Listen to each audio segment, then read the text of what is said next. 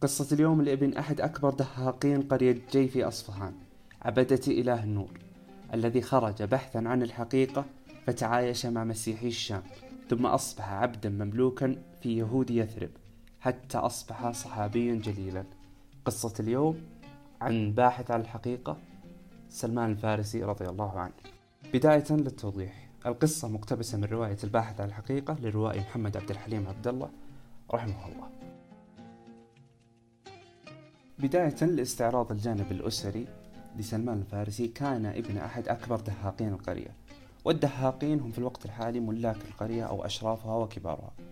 كانت علاقته مع والدة عاطفية جدا حتى أن والده كان يسميه بأنا لتمثيل معزته ومحبته في قلبه بإقرانه بمحبته بنفسه. شاءت الأقدار أن يطلب والد سلمان الفارسي رضي الله عنه منه أن يقضي له بعض حاجاته في مزرعة قريبة منهم.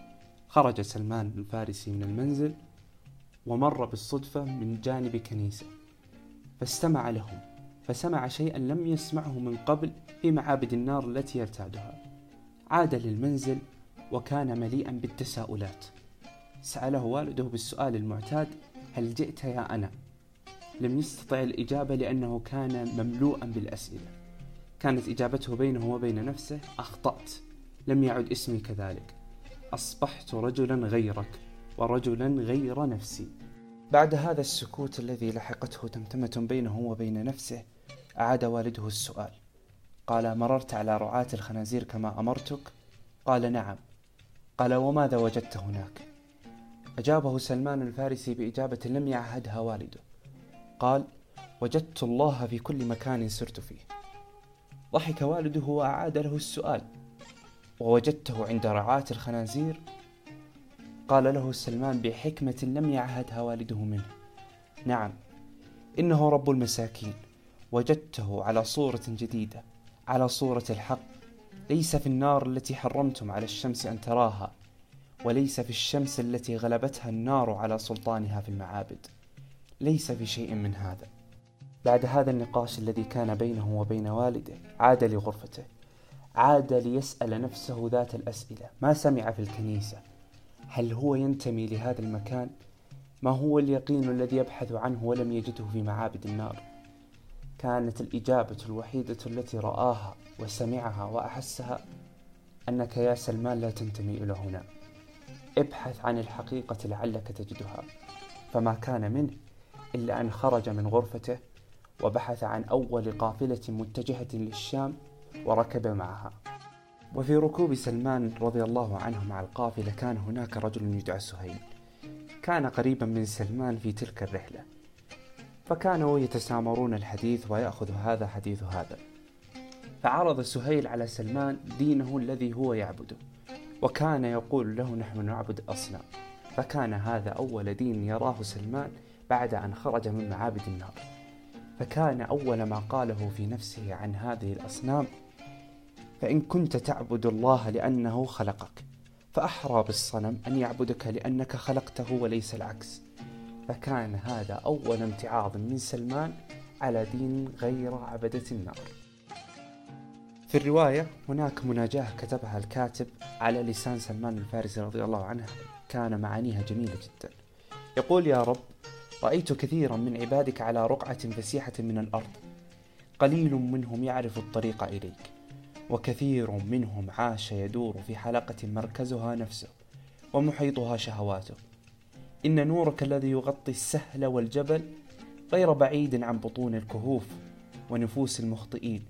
وها أنا ذا أحس يا ربي أنك تختص بعظيم أسرارك كل الذين يبحثون عنها كأنك تسعى إلى من يسعى إليك وتنسى من ينساك. ومن أصفهان وصولا إلى عمورية. يصل سلمان الفارسي رضي الله عنه مع القافلة ويبدأ بالسؤال عن سيد عابد يعتنق الديانة المسيحية.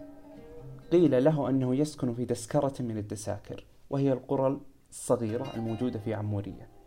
بات يسأل كل الناس عنه فلا يجيبونه لأنهم استنكروا شكله لأن شكله كان غريبا عن سكان تلك الأرض. حتى وجد راعي غنم وصف له منزله القريب من كنيسة وقال له امنحنا اللهم بركاته. وصل سلمان الفارسي رضي الله عنه إلى أعلى ذلك التل الذي يسكن فيه هذا العابد. طرق الباب فأجابه بإجابة كانت غريبة. قال هل جئت إني كنت في انتظارك؟ كانت إجابة استنكرها سلمان الفارسي لأنه لا يعرفه فكيف ينتظره؟ بعد الجلوس سأله ما سبب قولك أنك كنت في انتظاري؟ قال هذه تحية أحيي بها كل من يأتيني لأنه لم يبلغ لدي هذا المكان إلا أنه لاقى مشقة وتعب فأحييهم بهذه التحية لعلها تخفف علي. جلس سلمان وبدأ يحكي قصته لهذا العابد قصته التي جعلته ينتقل من أصفهان إلى الموصل إلى عمورية.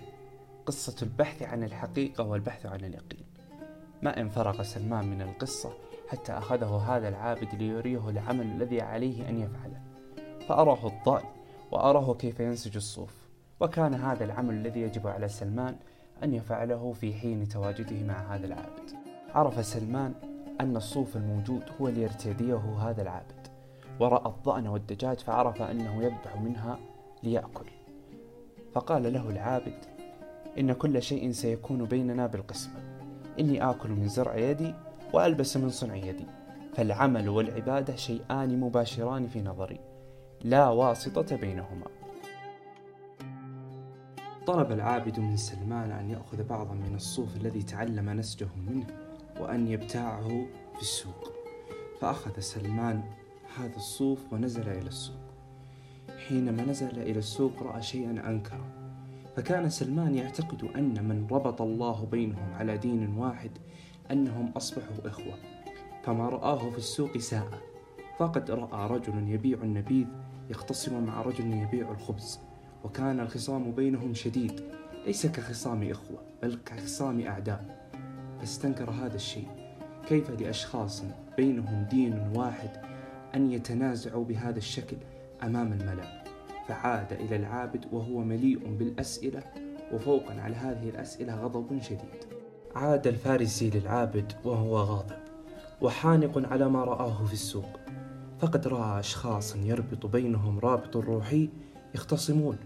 وما هذا هو الشيء الذي جعله يركض من أقاصي فارس حتى الشام لكي يراه؟ فعاد للعابد قائلا له أن ما رآه ساء فإنه يريد نصيحة أخيرة يعمل بها. فقال إني أنصحك أن تذهب إلى جزيرة العرب. فإن هناك نبي يبعث في آخر الزمان سمعنا خبره. وإن له ثلاث علامات إن رأيتها فيه فإنه نبي وإنه الحق. أما العلامة الأولى فإنه لا يأكل من صدقة والثانية فإنه يأكل من الهدية. أما الثالثة فإن عليه ختم النبوة. مكث الفارسي عند هذا العابد أياما معدودة حتى توفي العابد. فأخذ ما له من ضأن. وما له من نسيج من عند هذا العابد وخرج مع أول قافلة رآها.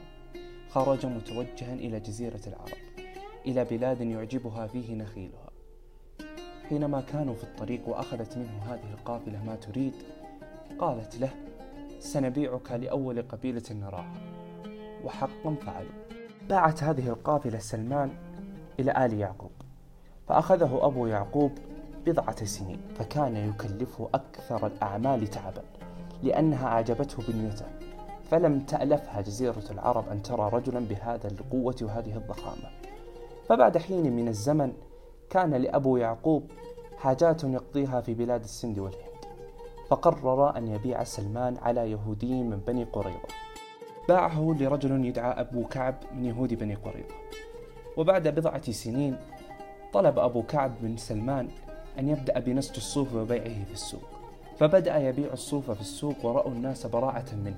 حتى جاء يوم رجل يدعى حسان إلى سلمان وطلب منه أن يعلمه نسج الصوف. فقال له سأعلمك لكن قل لي ما اسمك. قال اسمي حسان ابن ثابت. أنا شاعر المدينة. هل سمعت بي؟ قال له لا لم أسمع بك. فسكت سلمان وقال إني أقول شعرا في النبي الجديد. فتلك كانت كالبشرى لسلمان أن عرف رجلا يعرف الرجل الذي سعى لأجله. ظل سلمان يفكر أياما عدة بما قال له حسان عن هذا النبي الجديد وظل يفكر بكلام العابد عنه حتى أنه كان يوم فوق نخلة وكان أسفله أبو كعب ورجل يتكلمون عن النبي فنزل لهم يسألهم فطرده أبو كعب وقال لا شأن لك بذلك. وبعد أيام نبأ حديث إلى سلمان بأن النبي صلى الله عليه وسلم نزل بقباء فأخذ معه خوص جديد بأطيب أنواع تمر المدينة وذهب للنبي قدمه له بنية الصدقة فأعطى النبي صلى الله عليه وسلم من كان معه هذا التمر ولم يأكل منه فتحقق له الشرط الأول مما قال له العابد وفي اليوم التالي أخذ معه خوص من التمر وأعطاه النبي بنية الهدية فأكل منها. وبعد أيام سمع بأن النبي صلى الله عليه وسلم حضر جنازة بقباء فذهب له لكي يرى ختم النبوة فرآه وعرف أنه هو النبي وأنه هو الحق. وعندما دخل الليل ذهب سلمان إلى الرسول وحين كان على مقربة من مجلسه تبسم له النبي ومال على يدي النبي يلثمها ناطقا بالشهادتين وعيناه تدمعان. حمل عنه الرسول أثقال نفسه حين أمره أن يقص عليه قصة حياته ففعل.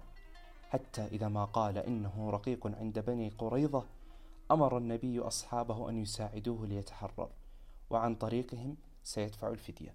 وبعد أن دفع المسلمون عن سلمان وأخرجوه من العبودية من عند يهود بني قريظة كان سلمان يمشي مع الرسول يوما من الأيام فقال له فتتك نفسي يا رسول الله ها أنت ذا تراهم في عددهم الضخم في شمال المدينة.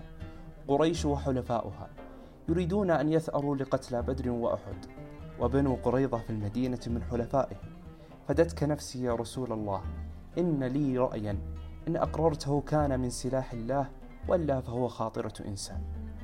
إن الفرس يحفرون الخنادق حول المدينة لحمايتها من الهجوم. فكان هذا أول رأي أعطاه سلمان للمسلمين في حرب لهم مع المشركين.